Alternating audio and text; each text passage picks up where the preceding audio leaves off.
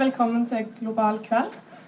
Eh, tema for dagens foredrag er brexit, og med meg på scenen har jeg ingen ringere enn Espen Aas. Et kjent ansikt for mange av oss gjennom sitt virke i NRK. Espen har vært, vært London-korrespondent fra 2013 til 2017. Um, og han var der under sjokkvalget som rustet Europa 23.6.2016. Og det var startskuddet på den pågående hva skal man kalle det, skilsmisseforhandlingene mellom uh, Storbritannia og EU. Uh, Storbritannia har vært en bauta i EU siden de ble med i 1973.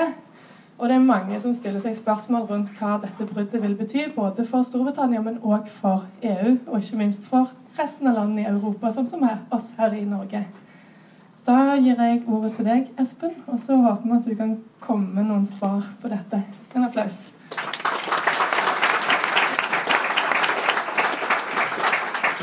Og velkommen. Veldig glad at så mange ville komme. Og la meg pøse deres ører fulle. Det er jo alltid nesten som å komme tilbake til London når jeg kommer til Stavanger. For jeg bodde i Wimbledon, der det var veldig mange fra disse traktene som jobbet for Statoil, for Aker, for BG og mye annet. Så vi hadde ikke bodd lenge der før min eldste datter kom hjem fra skolen og spurte pappa, hva er Lygakryss? Og da skjønte jeg at vi var godt integrert i det britiske samfunnet. Jeg skal da plage dere de neste 45 eh, minuttene med eh, noen tanker om hva som også kan skje med Storbritannia. Eh, for der skjer det også ting. Ikke bare kommer det til å skje ting med Europa og med Norge og med Storbritannia, men det er en del spennende ting på gang. Og hvis jeg får eh, tid på slutten og ikke har pratet meg helt bort, skal vi forsøke å vise noen eh, levende bilder også fra dette vakre, vakre kongeriket. Men altså, 23.6 eh, var den eh, viktige eh, datoen i fjor. Det store politiske jordskjelvet som endret absolutt alt. Og da hadde særlig det konservative partiet kranglet med seg selv i årtier om hvorvidt EU var noe bra eller dårlig. Det store flertallet mente jo at dette var bra, men et veldig bråkete mindretall mente jo at EU eh, e var roten til mye. En gift som hadde spredd seg i Storbritannias blodårer, som eh, en så vakkert sa det i eh, parlamentet en dag. Veldig mange statsministre, og ikke minst partiledere, særlig det siste, har jo slitt med EU-saken i det konservative partiet. Så David Cameron fikk en fantastisk lysende idé hva om vi bare har en folkeavstemning, så får vi denne saken ut av verden. Og det gikk jo kjempebra.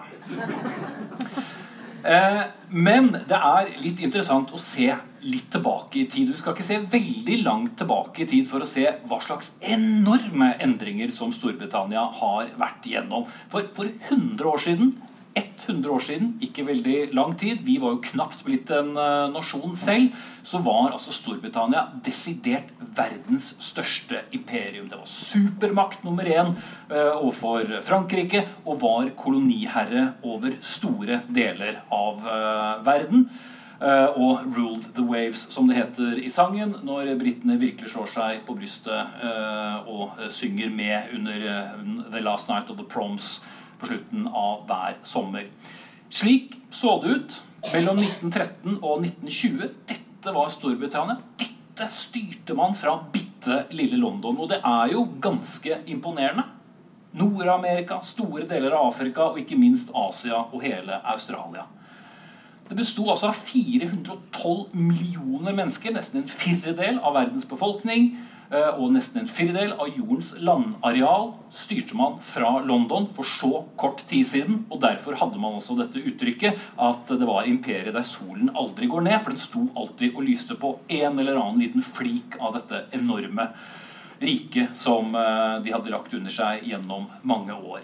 Men etter første verdenskrig så begynte det hele å gå i filler eh, og fortsette og fortsette å bli mindre og mindre. En slags eh, implodering, om du vil. Og nå står det igjen med dette.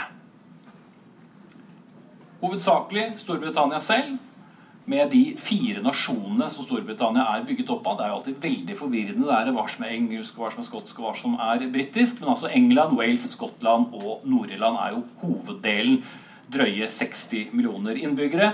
Vi har disse eh, snodige kanaløyene eh, som vi kjenner fra detektivserier som Bergerac og historier om skatteparadiser, som ikke er medlem av EU. Eh, men som likevel tilhører eh, delvis Storbritannia. Og så Alle som eh, har vært ute noen vinternetter, har jo hørt om disse lange og vonde konfliktene som Storbritannia har med disse få oversjøiske territoriene, særlig med Spania over Gibraltar. Dette har jo nå blusset opp igjen da Spania tenkte at hm, hvis Storbritannia ikke skal være medlem av EU lenger, så kan vi vel endelig få tilbake Gibraltar. Og selvfølgelig Falklandsøyene, som var eh, særlig prekært tidlig på 80-tallet. Lenge, lenge, lenge siden, altså. Men det skjer også ting hjemme. United Kingdom uh, of Great Britain and Northern Ireland, altså Det forente kongeriket av Storbritannia og Nord-Irland, er ikke så veldig forent lenger. Og brexit har gjort det enda mindre forent. For uh, det var en gang det var viktig å bygge opp identiteten av et Storbritannia, det å være britisk og det å være europeisk det er ikke så mange som snakker om det på samme måten. Særlig rundt Churchill etter andre verdenskrig så var det viktig å bygge opp det britiske Union Jack. Eh, denne veldig store identiteten, selv om eh, Storbritannia hadde eh, tålt mye både gjennom første og andre verdenskrig, så reiste det seg alltid, og en brite tålte det meste. Nå er folk mindre opptatt av det. Veldig mange er opptatt av å i alle fall ikke være uh, europeiske. Og kanskje er det som den gamle vitsen som angivelig skal ha blitt sagt på en værmelding en gang. Det er tåke i kanalen, og kontinentet er uh, isolert. Nå handler det om å se på seg selv i særlig de fire uh, små landene. og kanskje er det et femte land nå, nemlig London fordi mange er opptatt av å vise London ryggen, vise eliten ryggen, hmm, ting vi kanskje har sett uh, tilsvarende uh, tendenser til i f.eks. Uh, USA. Den anti-elite. Det å vende makten ryggen. Men la meg plage dere litt med hvordan ting er i disse fire landene. Og la oss starte med de som vi kanskje har hørt mest om når det gjelder å ikke være britiske, nemlig skottene. For de har jo eh, gjennom eh, over 400 år prøvd å si fra at ah, vi er ikke så kine på dette England-opplegget deres. Eh, og har i hvert fall, særlig eh, siden midten av 1800-tallet, kjempet for å rive seg løs. Og særlig eh, vokste jo dette etter hvert som de fant eh, olje. Jeg vet ikke hvor mange ganger jeg har vært i Skottland hvor folk har sagt til meg å, vi skulle gjerne gjort det sånn som dere gjorde i Norge. Men så sa jeg ja, men vi løsrev oss først, og så fant vi olje. Dere har gjort det litt mer rotete for dere selv eh, og prøvd å få løsrivelse etter funnet av eh, olje og gass, som jo selv om det høres fleipete ut, jo er en av eh, de viktigste grunnene til at skottene tviholdes inne i Storbritannia. For de store inntektene fra olje og gass har alltid vært viktig. De har gått til London, og så uh, har de blitt uh, redistribuert uh, utover Storbritannia. Men det var jo veldig veldig nære i 2014. Eh, 18.9. til og med var en veldig spennende kveld. Da var jeg i Edinburgh og hadde også fartet litt rundt eh, i, i, Glasgow. Og da håpet jo veldig mange skotter at de skulle få lov til å rive seg løs fra Storbritannia. Men så sa regjeringen i London én ting til dem. Husk på det, at dere er veldig glad i å være medlemmer av EU, for Skottland får store subsidier fra EU. Hvis dere melder dere ut av Storbritannia, så må dere søke EU-medlemskap på nytt. Og det vil dere vel ikke, eller hva? Det var faktisk et viktig argument for mange. Ok, Vi får i hvert fall beholde EU-medlemskapet vårt hvis vi fortsatt er en del av Storbritannia. Og det gikk jo også strålende i 2016, da det var EU-avstemning. Men det har skjedd veldig mye viktig politisk der. For vi har noe som heter SNP, det skotske nasjonalistpartiet. Og her hjemme så tenker vi ofte at når noe er nasjonalistisk, så er det ytre høyre, og det er litt brunt. Uh, mens det skotske nasjonalistpartiet er et sosialistisk parti og uh, befinner seg ute på venstresiden i politikken. De er opptatt av en annen fordeling enn det regjeringen i London ofte har, som jo har vært konservativ mye av de siste tiårene, med unntak av de lange årene med Tony Blair. Men uh, hans Labour kalles jo også for konservativ oppe i Skottland. De mener det er et høyrevendt parti. Og Derfor har også mye skjedd politisk. Det ble det største partiet i uh, deres skotske parlament, som de fikk på slutten av 90-tallet. Det var også blitt det største i 2007, og klarte også å få en flertallsregjering i sitt skotske parlament. Det er jo igjen veldig forvirrende, dette. Vi har ett britisk parlament, som ligger i London. Så har vi et slags skotsk parlament i Edinburgh, et walisisk parlament i Cardiff og et slags nordirsk parlament også utenfor Belfast, mens England har da ingenting. Men de har gjennom eh, årene fått mer og mer makt til å styre Skottland selv. Og etter at ikke det ble noe av eh, skilsmissen med Storbritannia i 2014, så får de lov til å styre nesten alt. Men utenrikspolitikken, mm, den må de styre i London. Og hva handler EU om? Jo, mye om eh, utenrikspolitikk. Så derfor er London for veldig mange skotter noe de misliker. Det eneste stedet hvor jeg vel fant ut at de likte London, det var på Shetlandsøyene, som jo ligger nærmere Norge enn det, egentlig ligger uh, i London. Og der sa de at det var mye hyggeligere å bli styrt fra London, for der tenkte de aldri på Shetland. Mens i Edinburgh uh, så var de litt for opptatt av hva de drev med. Og da er jo selvfølgelig det store eh, spørsmålet kan det bli en ny folkeavstemning. Det er veldig mange som vil det.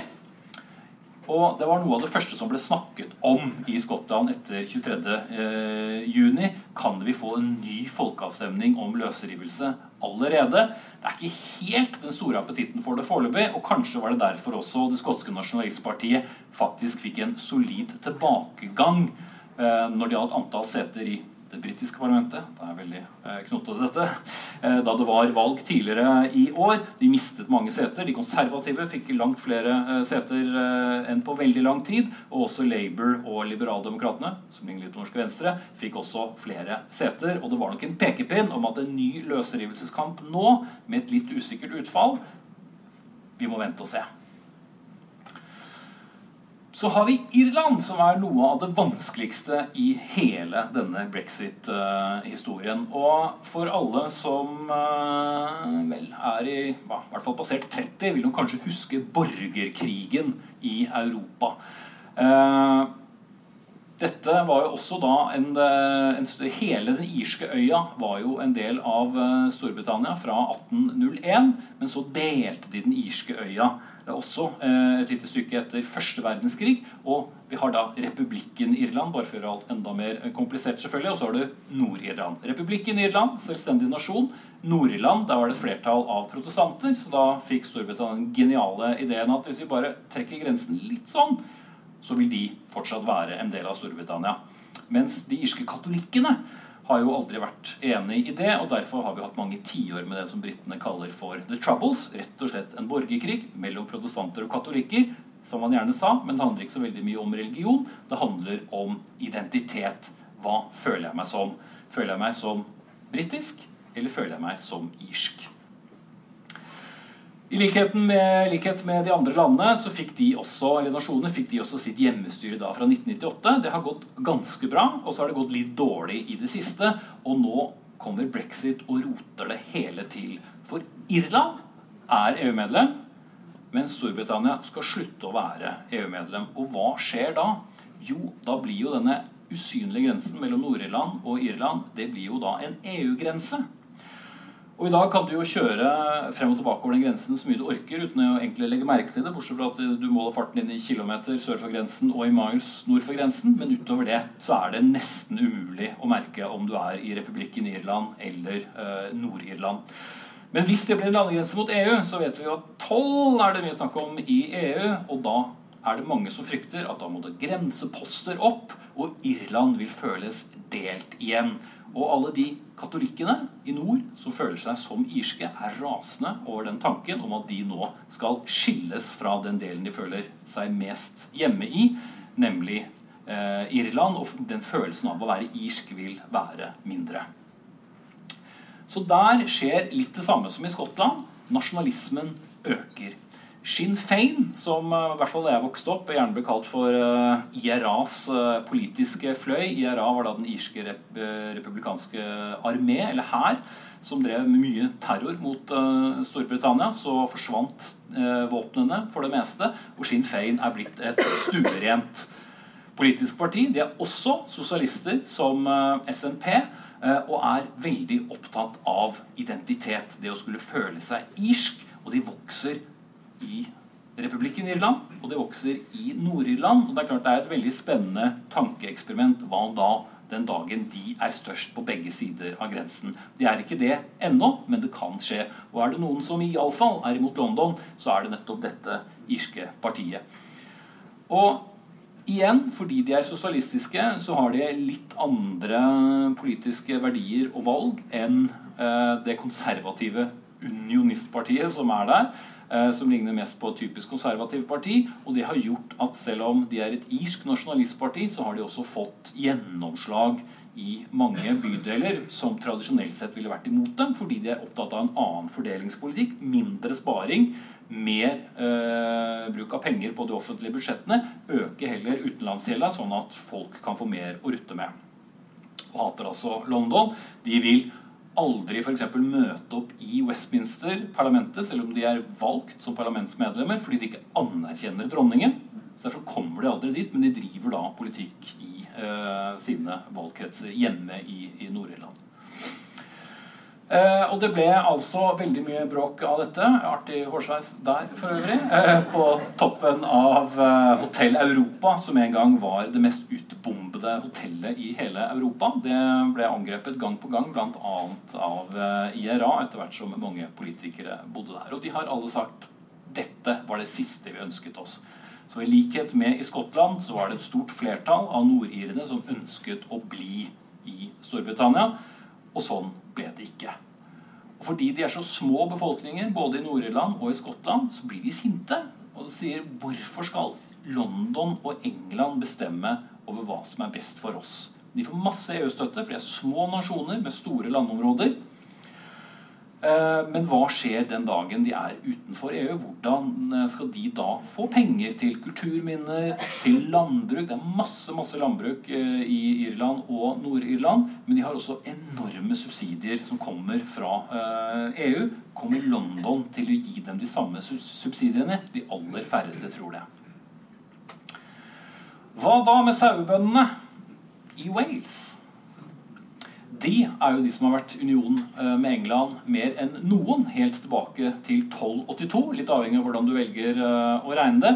Men de har altså hatt engelske lover fra 1542. Der har det britiske Arbeiderpartiet, eller Labour, som dere ofte hører eh, om, alltid vært det store partiet. De pleide å si at hvis du tar en halvt hund og bare henger et skilt med Labour eh, på det, og lar det stille som parlamentskandidat, så vil det bli valgt inn. Fordi man stoler alltid på Arbeiderpartiet. De støttet eh, gruvearbeiderne den gangen det var stor gruveindustri. De har alltid støttet dem. Men så var det igjen eh, dette nå med eh, folkeavstemningen og eh, brexit. Det var et flertall i Wales, selv om de mer enn noen kanskje er avhengig av støtte fra EU. Men et lite flertall stemte som resten av England. La oss komme oss ut av EU. Særlig rundt Cardiff, som er folkerikt, der hvor det var flest innvandrere fra EU.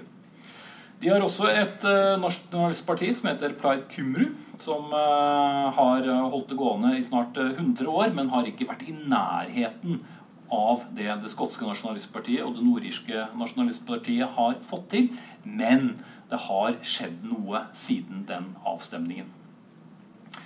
Det som de har hatt i Wales, som de ikke har hatt i de to andre nasjonene som vi har vært innom, er UKIP som var da eh, Uavhengighetspartiet, som vi gjerne sier det eh, på norsk. Eh, og som er et parti ytterst på høyresiden, eh, og som var veldig imot EU. Det er fundert pga.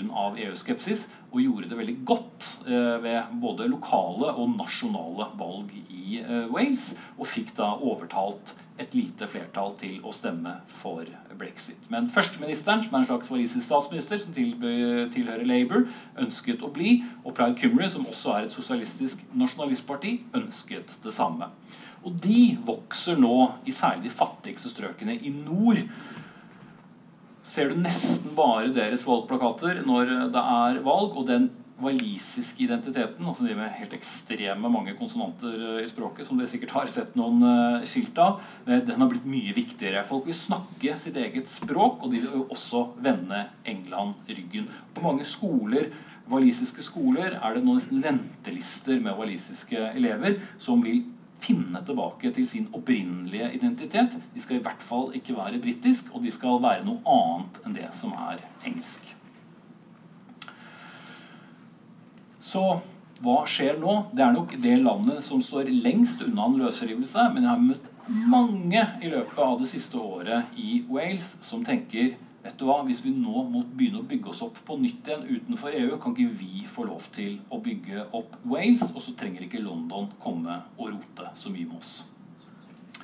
Men hva med England? Det mest folkerike landet av de fire nasjonene, og som på en måte har styrt de tre andre eh, nasjonene gjennom så mange år. De trumfer jo alt, ikke sant? Eh, det er den høyeste befolkningen. Så det er det største antallet eh, representanter i Underhuset, som er på en måte det som ligner mest på vårt eh, storting. Mens vi har liksom 169 stykker som vi velger inn, så har de 650 som velges fra hele landet. Og de aller fleste velges inn fra England. Og derfor så er det ofte de engelske sakene som vinner frem, synes representantene fra de andre. Eh, og det var her også den tanken om det å være britisk ble skapt. For å få folk til å slutte å tenke på seg selv som skotske, irske eller walisiske. Og det å være engelsk har inntil nylig vært sett på noe som eh, ikke var stuerent. Det var noe nasjonalistisk, og du kunne til nød hente frem det engelske flagget St. George når det er fotball eller rugby eller cricketkamper. For det er jo selvfølgelig ikke mindre komplisert enn at når det er fotball og cricket og rugby, da har de engelske, skotske, walisiske og nordirske lag. Men når de er med i f.eks. OL, eh, så er det britiske lag. Så hvis man vil bli forvirret, vær så god.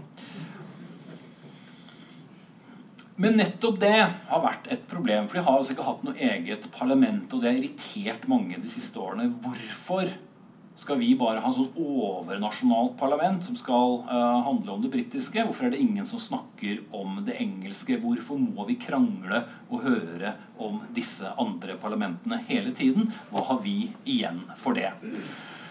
Det har skjedd noe veldig rart der òg. For det er ikke sånn at det vokser da frem en engelsk identitet nødvendigvis. Å nei da. Så i sørvest så er det veldig opptatt av å være Cornish, de som bor i Cornwall. Så der har deres flagg begynt å vaie mer og mer. Midt i England, det å være Cumbrian, i Liverpool, det å være Scouser, er også blitt viktigere. Så selv med England er i ferd med å fragmenteres. For de skal heller ikke føle seg så britiske. Men eh, de er kanskje ikke så opptatt av det engelske heller, for de vil være litt anti-London. De vil ha sin lokale identitet, som er det som virkelig eh, har vært noe av det mest spennende å se etter brexit. Og plutselig så ser du nå også det engelske flagget vaie utenfor puber eh, i London, og i alle fall på landsbygda. Det er helt greit å la det henge der, på samme måte som man f.eks. kan henge opp dette Cornish-flagget, som jeg nevnte, som er da i, i svart og hvitt. Og eh, flere andre steder så er det eh, blitt noe viktig, det å være anti-London. Så hvordan i himmelens navn skal man klare å styre denne fragmenterte, rare nasjonen nå? Vel, det går jo ikke så innmari bra. For i likhet med David Camerons geniale beslutning om å ha en folkeavstemning om brexit i fjor, så fant jo Theresa May ut at ah, men vi er ganske populære nå, så jeg tror sannelig at jeg har et nytt valg nå ett år etter brexit-avstemningen, sånn at jeg får økt majoriteten min i parlamentet. Og det gikk akkurat like bra som Camerons eh, brexit-plan, så de mistet jo faktisk majoriteten sin. Uh, og jeg tror jeg omtalte det en gang som at det måtte føles som å svømme i land fra Titanic når det valget var uh, over. De klarte akkurat å stå på bena men har et veldig eh, skjørt flertall, hvor de eh, må ha støtte av et eh, nordirsk unionistparti for å få flertall for sine saker. Og det betyr at brexit, som skal på en måte være ferdigforhandlet et stykke ut i 2019, kan nesten bli hva som helst, fordi de har bestemt at det skal kunne stemmes over i parlamentet. Eh, og i Theresa Mays eget parti er det forferdelig indre uro fortsatt. Du har de som synes at, at landet fortsatt skal være medlem av EU. Og du har de som ikke kan komme seg lengst nok unna EU. Det samme er det i Arbeiderpartiet. De fleste er for fortsatt EU-medlemskap, men også der er det mange som mener at nei, nå må vi respektere folk. Det har vært en folkeavstemning, vi må ikke begynne å rote med det. Men de har en leder langt ute på venstresiden som mener at EU ikke er så bra. At det er dårlig for eh, arbeidsfolk, og at det er en overnasjonal myndighet som ikke skal få holde på som de vil, og som lar store big business og store selskaper holde på som de vil. Eh, mens han vil at flere lover skal skapes i London. Ikke ulikt det mange konservative mener. De vil tilbake til den følelsen av å være noe eget. Eh, og hva folk i det partiet finner på å kalle EU, egner seg ikke engang alltid på trykk. Det er en, en veldig drive innad i den regjeringen på begge sider, og det gjør det vanskeligere og vanskeligere for nesten hver dag. De som forhandler med EU, er veldig anti-EU. Hun som så vidt overlever eh, inntil videre som statsminister, var utgangspunktet for EU, men må late som hun er veldig mot eh, EU. Så aldri kjedelig i britisk politikk. Eh, og forholdet mellom EU og Storbritannia er elendig. Hver morgen fra klokken åtte norsk tid så pleier jeg å høre på en time med BBC-nyheter, og det er nesten som en komikveld å høre hvor dårlig det går. Hvor elendig eh, forholdet er. Og det, når du tror det ikke kan bli verre, så blir det det likevel. David Davis, som er eh, forhandleren for den britiske regjeringen, eh, og Michel Barnier, som er forhandler for EU, eh, e har et dårlig forhold. Eh, britiske konservative aviser som støtter eh, brexit, kan ikke få skrevet nok stygt om EUs forhandlere. Og innad i EU så snakker man veldig stygt om Storbritannia. De snakker om en svak statsminister som ikke klarer å holde styr på sin egen regjering. Og de snakker om en regjering som ikke engang selv vet hva den vil.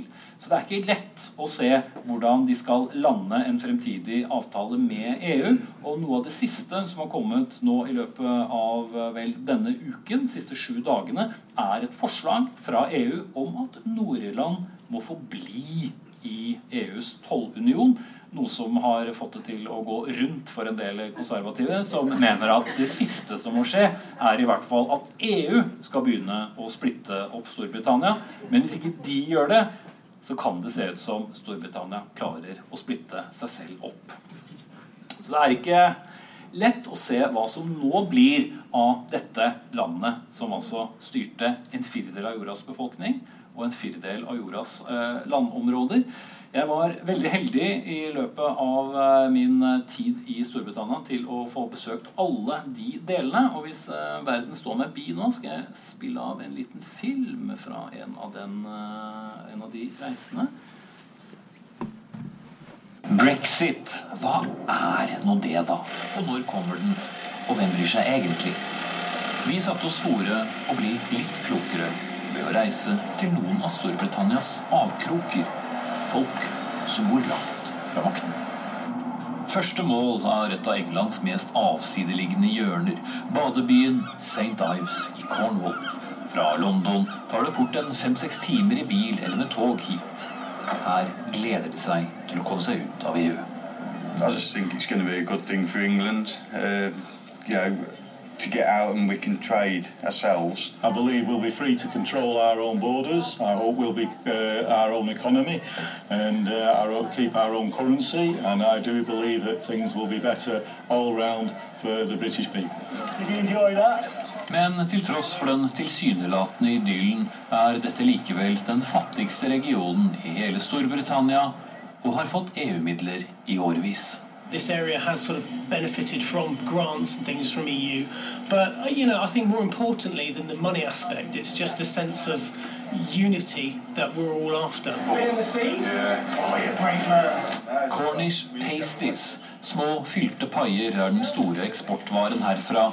Berømt og velsmakende. De er stolte av seg og sitt i Cornwall og opptatt av identiteten. It's that sense of unity, knowing that you're from roots and those roots go back for many, many generations. I think lots of people adhere to that, and it's a very proud thing. You know, if you say you're Cornish, you're very proud to be Cornish. De har til og med sitt eget flagg, og flere mener at Cornwall burde få sin egen uavhengighet på sikt. Uavhengighet, ja. Det snakkes det ofte, og ikke minst mye om, i hjemtraktene til den angivelige sjøormen i Loch Ness nord i det skotske høylandet. Folk bor spredt her, på gårder og i landsbyer. Og i skarp kontrast til de vi møtte i Cornwall, er brexit noe de virkelig ikke ønsket her. Scotland definitely wants to stay with Europe. England don't. John ønsket seg heller ikke noen brexit. Han og kona driver et bitte lite hotell ved bredden av Loch Ness og håper i det lengste at det ikke vil gjøre det vanskeligere for turistene å komme til landet. One way or the other, you have to go with it. Uh, you can't fight against it now, unfortunately. So uh, the government's made the decision and they're moving forward. And as per usual, we just have to go with that. Skottland har bare fem millioner innbyggere mot Englands 55. Et flertall av skottene ønsket så kjent at Storbritannia skulle bli værende i EU, men slik ble det jo ikke. Og mange her oppe, som ellers i Skottland, føler at det var nok en gang London og England som bestemte over dem. Han er mest kjent for å være verdens lengst utholdende sjøormjeger med sine 26 år i en bobil ved Loch Ness. Han har utviklet et sterkt hat til regjeringen i London pga. EU-utmeldelsen og enda litt til. The party that's running the country is not voted by this country. So we're we're in occupation, really, almost. We're hostages of an alien government. Og mystikken rundt sjøormen Nessie, den forblir nå uansett det skotske høylandet, brexit eller ikke. Ingen steder var ønsket om å forbli i EU så sterkt som her på Gibraltar ved Middelhavet. Britisk jord langt fra de britiske øyer. 96% sa ja til videre medlemskap. I feel totally European. I mean, we are on the European mainland at the end of the day. You know? I mean, we're, we are, we're stuck to Spain, you know? Um, and, and, you know, a short drive from Portugal. And, and, and, you know, so, yes, I mean, I feel totally European.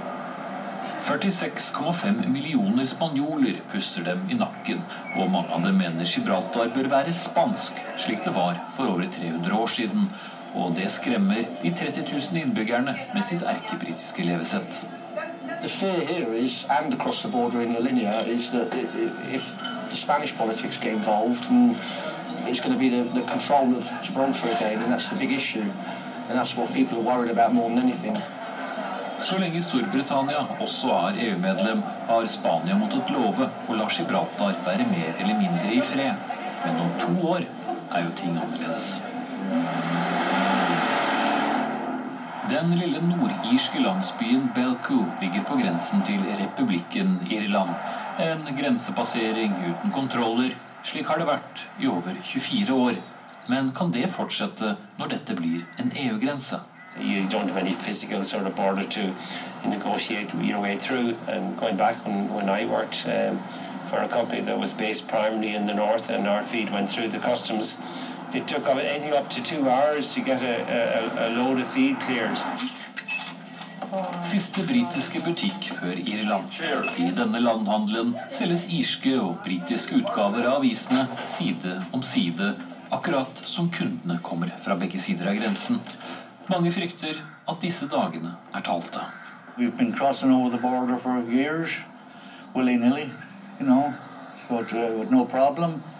So um, if the custom huts go up and stuff like that, and police stopping and stuff like that is going to make a big difference. Uansett uro, her finnes også de som mener at brexit er det riktigste. Og nei, det er ikke bare de eldre. I didn't like the, the EU system and the, like, an, an unelected government, basically. Enn så lenge er grensen åpen. Enn så lenge er det EU på hver side. Enn så lenge. Det gjelder å holde tungen rett i munnen når en skal si navnet på mange walisiske steder. Her i Nord-Wales står det walisiske språket sterkere enn engelsk. Og selv om flertallet i Wales stemte sammen med England for brexit, ville de det annerledes her. I'm European and I've been raised that way. So it's very, it's kind of bizarre to think that we're not, we're just on our own, really. And will we end up being put to one side and forgotten about, really? Dyna dwi'n meddwl am y Mary yn y gender wedi Trump, really. De snakker mye om EU, for de har nytt godt økonomisk av midler fra Brussel. Mens de føler at London sjelden eller aldri bryr seg. My personal belief is that we won't get as much financial support as we do from the get from the European Union.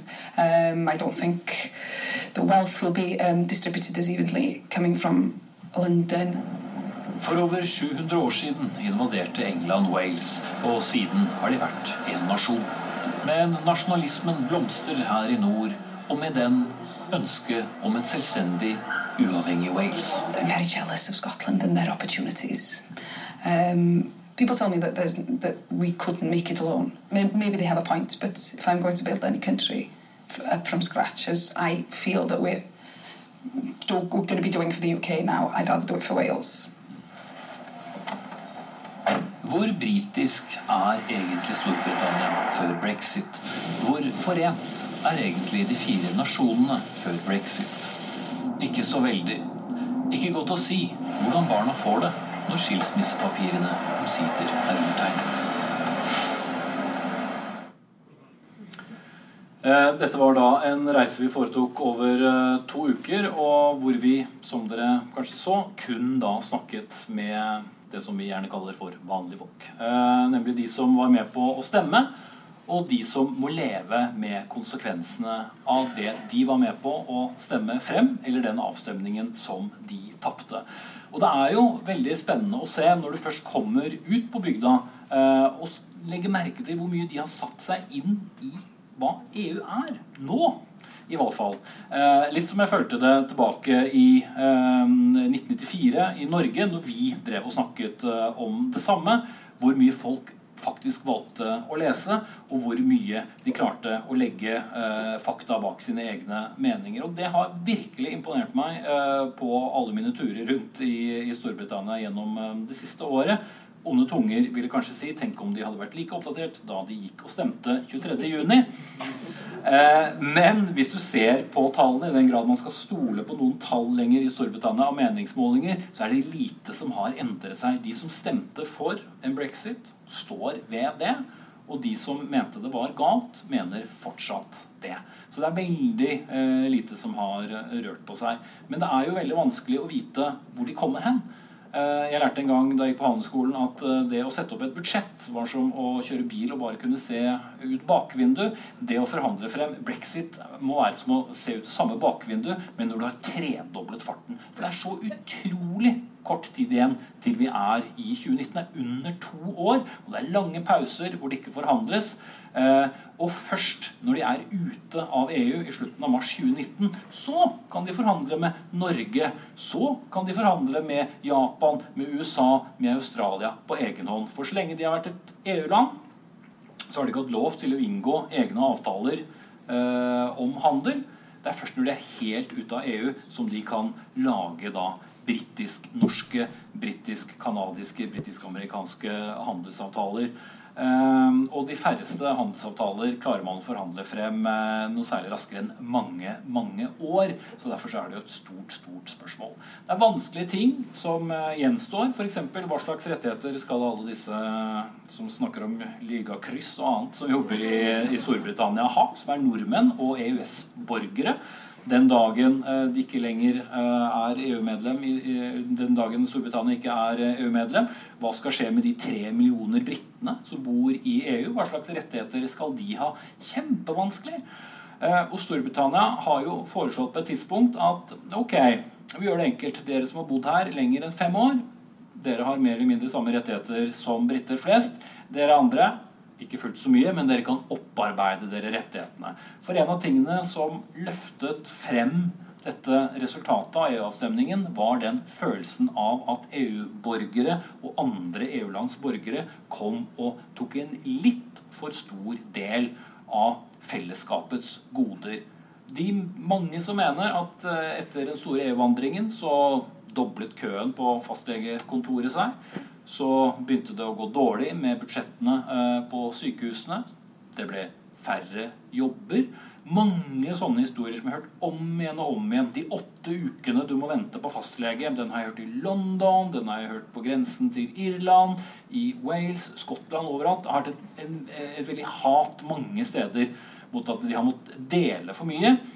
Men hvis du går inn en del tallmateriale, så vil du ofte se at utenlandske arbeidere tar mye mindre ut av fellesskapet enn det de putter inn, sammenlignet med eh, gjennomsnittet av britiske borgere. Så den sannheten om hvordan dette kommer til å være, og denne sannheten om hvordan det er, er veldig vanskelig å se. Det som er helt klart, er at det er veldig sjelden du kjøper en kopp kaffe i London av uh, en innfødt brite eller uh, engelskmann. Uh, og en polakk som jeg ble veldig godt kjent med forut for den avstemningen, som selv kom til Storbritannia på tidlig 90-tall og bygde opp en stor bedrift. Han driver regnskapsfirma, apotek, hårsalong og en ting til i samme bygg har 20 ansatte som alle betaler skatt, og han har ikke tatt ut en krone. Men som han sier, alle mener jo at jeg går og snylter på fellesskapet mens jeg putter mye mer inn. Og det er ikke noe hyggelig å bo her, for alle har bare bestemt seg for at det er sånn. Og som han retorisk spurte meg, hvem har de tenkt skal servere dem kaffe den dagen de kaster ut eh, alle EU-borgerne? Men det er klart, i London så er det mange. I London bor det utrolig mange. Der er det trangt om plassen. Eh, og de kan velge og vrake litt hvem som de vil ha til å ta jobbene. Men i Skottland de er desperate mange steder etter å få kvalifisert arbeidskraft fra f.eks. Eh, EU. Mange steder i rurale Cardiff og også i Nord-Irland. Nord-Irland er fortsatt en sånn uh, no go-sone uh, for veldig mange folk. De vil ikke bo der fordi de har hørt så mye om disse gnisningene mellom katolikker og protestanter. Men de trenger masse folk. Så hvordan det skal uh, gå, hm, det blir spennende. Storbritannia har alltid nytt av å ha hatt de beste innvandrerne i uh, Europa. Tyskland har ofte fått det dårligste, mens de med høy utdannelse, høy kompetanse, har søkt seg til uh, Storbritannia, men særlig de store byene, og ikke fullt så ofte de rurale, altså distriktsstedene. Der har det kanskje vært folk med, med lavere utdanning, og det ser du litt i demografien på hvem som stemte hva den 23. juni. Så jeg følger i hvert fall med eh, hver eneste dag på hva som skjer. Eh, og det må vi nesten alle sammen, for det kommer til å påvirke hverdagen vår på en eller annen måte. Vi tror jo mange i Norge at det kan være en god ting for Norge den dagen Storbritannia melder seg ut, for de er jo veldig glad i gassen vår, f.eks. Hvert fjerde gassbluss på en eh, klassisk eh, britisk komfyr eh, tennes jo med norsk gass. De er også veldig interessert i fisken vår, særlig torsken. Håper de også å kunne inngå handelsavtaler med. Men det er selvfølgelig mange andre spørsmål. Hvordan blir det å være norsk oljearbeider som når du skal bo kanskje bare et par år i London før du eh, skal eh, overlevere til neste gang? Vil du ha rett til å få legehjelp? Hvor i køen vil du stå eh, for å få skoleplass? Masse ubesvarte spørsmål som de ikke klarer å få på plass innen utgangen av eh, mars 2019, den dagen de er ute. Men for alle som er glad i Storbritannia, opptatt av Storbritannia, så håper vi at det går bra. Men det er veldig vanskelig, fordi EU kan ikke gi dem en god avtale. For da tenker de ok, da beviste vi akkurat at det var ikke noe poeng å være medlem av EU. Men de kan ikke gi dem en for dårlig avtale heller, fordi det er Europas nest største økonomi, og de er jo interessert i import- og eksportavtaler, ikke vel. Så hvis det er noe som heter å balansere på en knivsegg, så er det i hvert fall å snakke om å balansere på et syltynt barberblad i denne eh, sammenhengen. Kanskje klarer Storbritannia å kjøpe seg delvis eh, ut av det og få markedstilgang på den måten. Men som sagt, stemningen er eh, ikke god, så vi får bare krysse fingre på at de finner på et eller annet.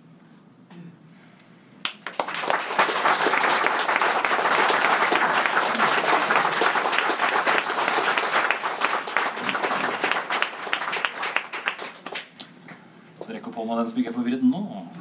Tusen takk for et fantastisk foredrag. Vi har fortsatt 15 minutter igjen, så hvis det er noen som brenner inne med spørsmål, så er det åpent for det nå. Bare opp med en hånd. Ja.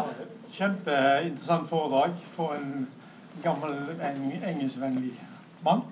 Um, I England kan du jo skrive ut nyvalg når som helst. Vil Theresa May noen sjanse på å skrive ut nyvalg en gang til? Du kan ikke skrive det helt ut som i gamle dager. Da kunne du velge innenfor en sånn eh, fem til treårsperiode. Men du må nå ha med deg en viss andel av eh, parlamentet. Eh, men mange tror at ikke det er hun som kommer til å skrive ut nyvalg, men kanskje at Labour, det største opposisjonspartiet, kommer til å tvinge gjennom et nyvalg på det tidspunktet de tror de kan vinne valget. Og da er det jo enda større spørsmål hva som egentlig kommer til å skje. For hvis Labour inntar regjeringen, hvor flertallet av velgerne og flertallet av eh, medlemmene og parlamentsmedlemmene synes det bør bli i EU.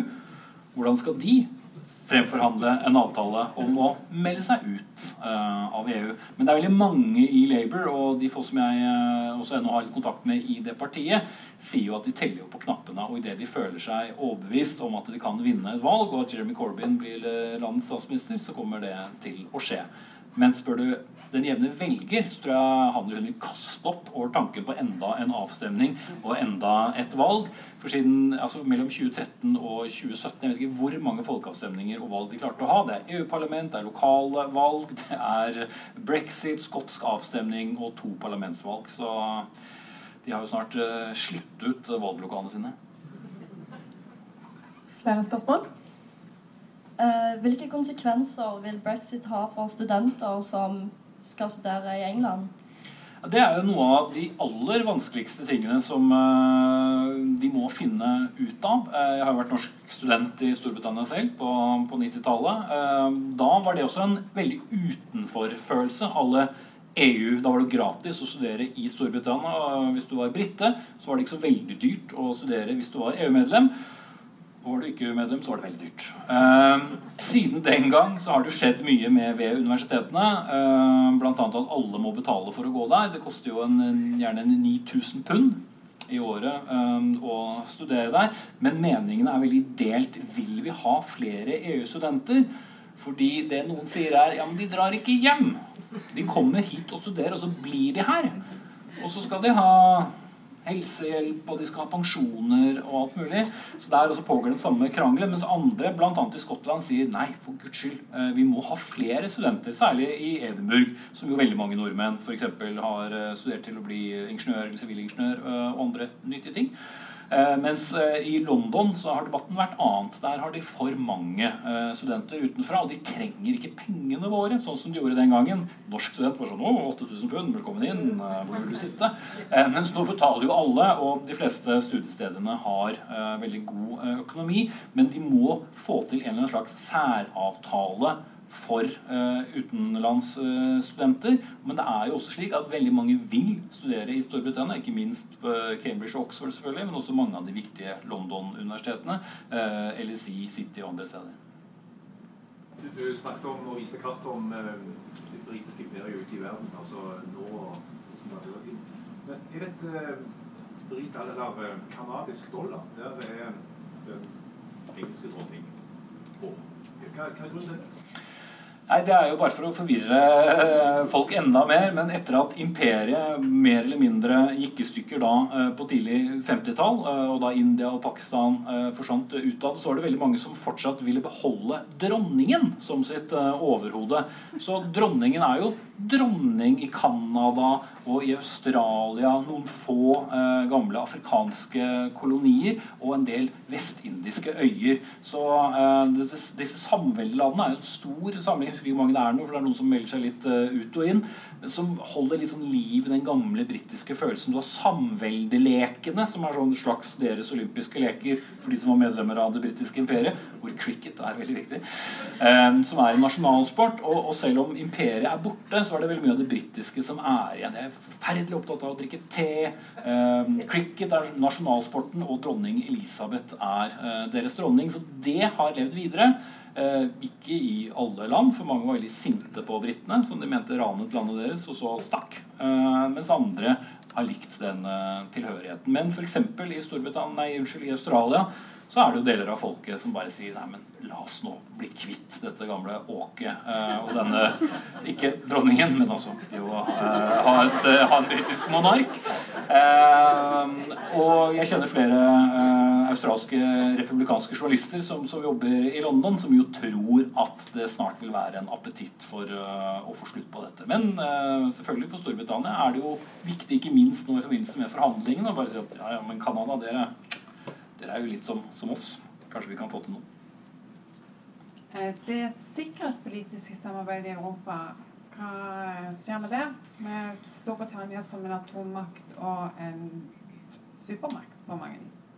Ja, Det var jo ikke uten grunn at eh, jeg traff eh, Jens Stoltenberg ikke én, men to ganger ganske kort tid etter folkeavstemningen. For Nato har jo vært veldig opptatt av eh, hva konsekvensene blir for dem. Eh, fordi Storbritannia er jo en stor atommakt og har viktige atomubåter i Skottland Skottland som ikke vil ha dem der, men uh, London som har bestemt at de skal være der. Um, og der har i hvert fall Theresa May gang på gang sagt at uh, det kommer ikke til å endre noe. Uh, vi kommer til å være Nato-medlem, og hun forsikret i større grad enn Cameron-regjeringen at de kom til å holde sine forpliktelser. Men så ser vi jo at ting skjer jo i, i EU. EU vil jo ha sin egen hær, for de mener at Nato destabiliseres delvis av brexit, men mer av Donald Trump uh, og hans forhold til Nato. Og det vil jo ikke Storbritannia være en del av. Så helt sikkert vet jo ikke hvordan det kommer til å bli, men Storbritannia er jo veldig opptatt av sin rolle som Europas vokter, som de gjerne liker å se seg selv på, fordi det er en, en nasjon som aldri viker unna konflikter. De ringer oftere vestover til USA når det er en konflikt, enn til, til, Nato, som har vært litt problematisk. Men uh, de har i hvert fall kommet med mange forsikringer om at det, der kommer ingenting til å endres. Hvor lenge tror du uh, Theresa May sitter? Hva er klokken? Hvem, hvem, hvem er naturlig til å ta over?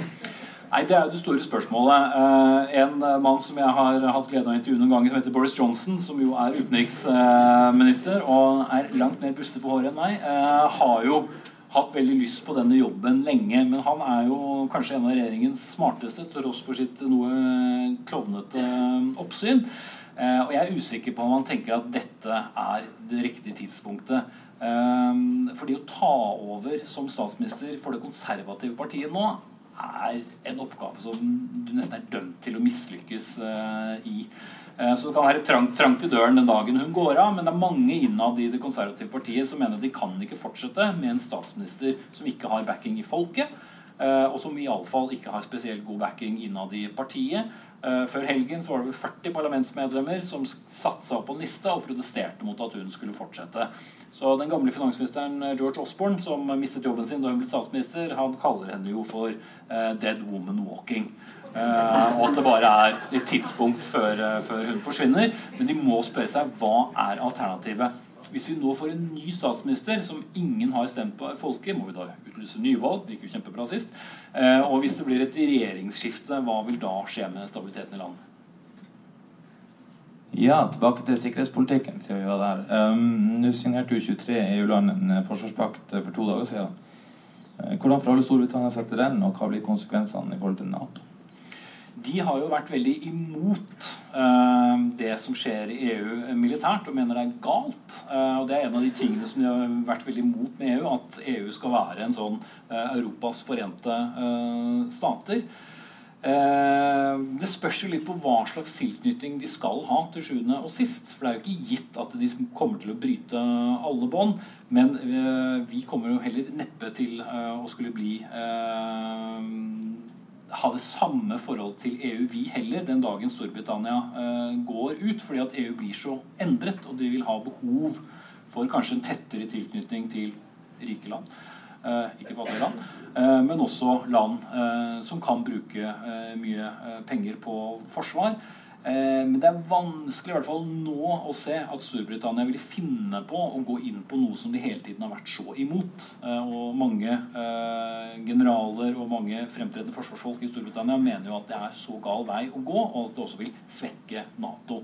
Og Nato selv heller ser jo ikke det store poenget, eh, fordi de vil jo svekke dem. Og hva, hvordan skal hvert enkelt Nato-land, som også skal være eh, en del av EU-hæren i, i hermetegn, forholde seg. Det blir jo en veldig sånn uh, schizofren uh, måte å forholde seg til sikkerhetspolitikk på.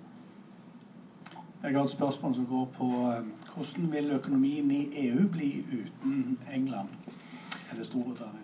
Ja, Det er jo kjempespennende. Og det er jo det jeg personlig, uh, veldig lite vitenskapelig, tror kommer til å være der hvor noe av svaret ligger. Fordi at uh, Storbritannia, som den nest største økonomien, har jo bidratt med en enorm andel av EU-budsjettet. Hvem skal betale inn de pengene den dagen Storbritannia forsvinner?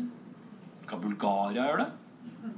Skal Tyskland måtte betale enda mer? Skal det måtte EU-skeptiske Frankrike gjøre det? Hva med Nederland? Jeg tror der mye av nøkkelen vil ligge der, fordi Storbritannia vil innse at de trenger markedstilgang. De har pengene, og de kan si ok, det blir et kjempestort hull i budsjettet deres, men vi kan hjelpe, gitt at vi får en, en slags markedstilgang. Og Det er mye som må på plass, men det er en måte å redde ansikt både for EU, som kan si bare sånn Ja, ja, se på Storbritannia, det ble ikke noe avtale på dem, nå må de betale for markedsmakt. Mens britene kan si Hei, nå styrer vi oss selv, men vi ønsker jo fortsatt uh, markedstilgang. Verdens enkleste uttegning av hvordan det kan være, men jeg tror de er nødt til å ende på en slags avtale som handler om å, å kjøpe seg markedstilgang. Da har vi tid til ett siste spørsmål. Hva er posisjonen til Corbyn i Labour? Det har jo vært en ellevill uh, reise fra å være den mest latterliggjorte gamle, rare mannen, uh, som stort sett ble fremstilt som en kommunist, til å bli en mann som folk har begynt å lytte til og tro på. Jeg var på landsmøtet i Labour da han akkurat hadde blitt valgt. Og jeg satt på toget sammen med mange andre journalister fra Brighton til London og mange parlamentsmedlemmer som satt åpent og snakket stygt på utrolig nedsettende måte om sin egen leder. Eh, har blitt kjent med parlamentsmedlemmer som mener han er en tulling, som mener han er en venstrevridd eh, kar uten rot eh, i virkeligheten. Men han kan jo fort være Storbritannias neste statsminister. Og innad i partiet har de sluttet å le av ham. Og jeg tror også det er veldig få som tør le av ham i det konservative partiet. De ser at han har så stor støtte i folket, selv om han har ganske kontroversielle ideer om nasjonalisering av privatiserte store selskaper osv. Men de føler heller ikke at kanskje de konservative har klart å bevise at de har vært så flinke til eh, å lede de siste årene, med brexit og nå med det katastrofale valget eh, fra i våres. Da tror jeg vi takker av for i dag. Tusen tusen takk for at du har delt uh, av din kunnskap og besvart så mange spørsmål. Takk til dere for at dere kom og stilte masse gode spørsmål. Jeg tror vi går litt klokere herfra alle sammen. Uh, hvis dere syns dette var bra, så spring hjem og gi beskjed til venner og familie om at de har sjansen til å komme og se Espen Aas på scenen igjen i morgen tidlig klokka halv ni. Uh, ellers vil jeg informere om at 13.12. har vi siste foredrag i serien Global morgen og global kveld. Da er det Torbjørn Færøvik som kommer og holder foredrag om Kina og stiller spørsmål til hvorvidt det er den nye supermakten i verden. Takk for meg. Ha det godt.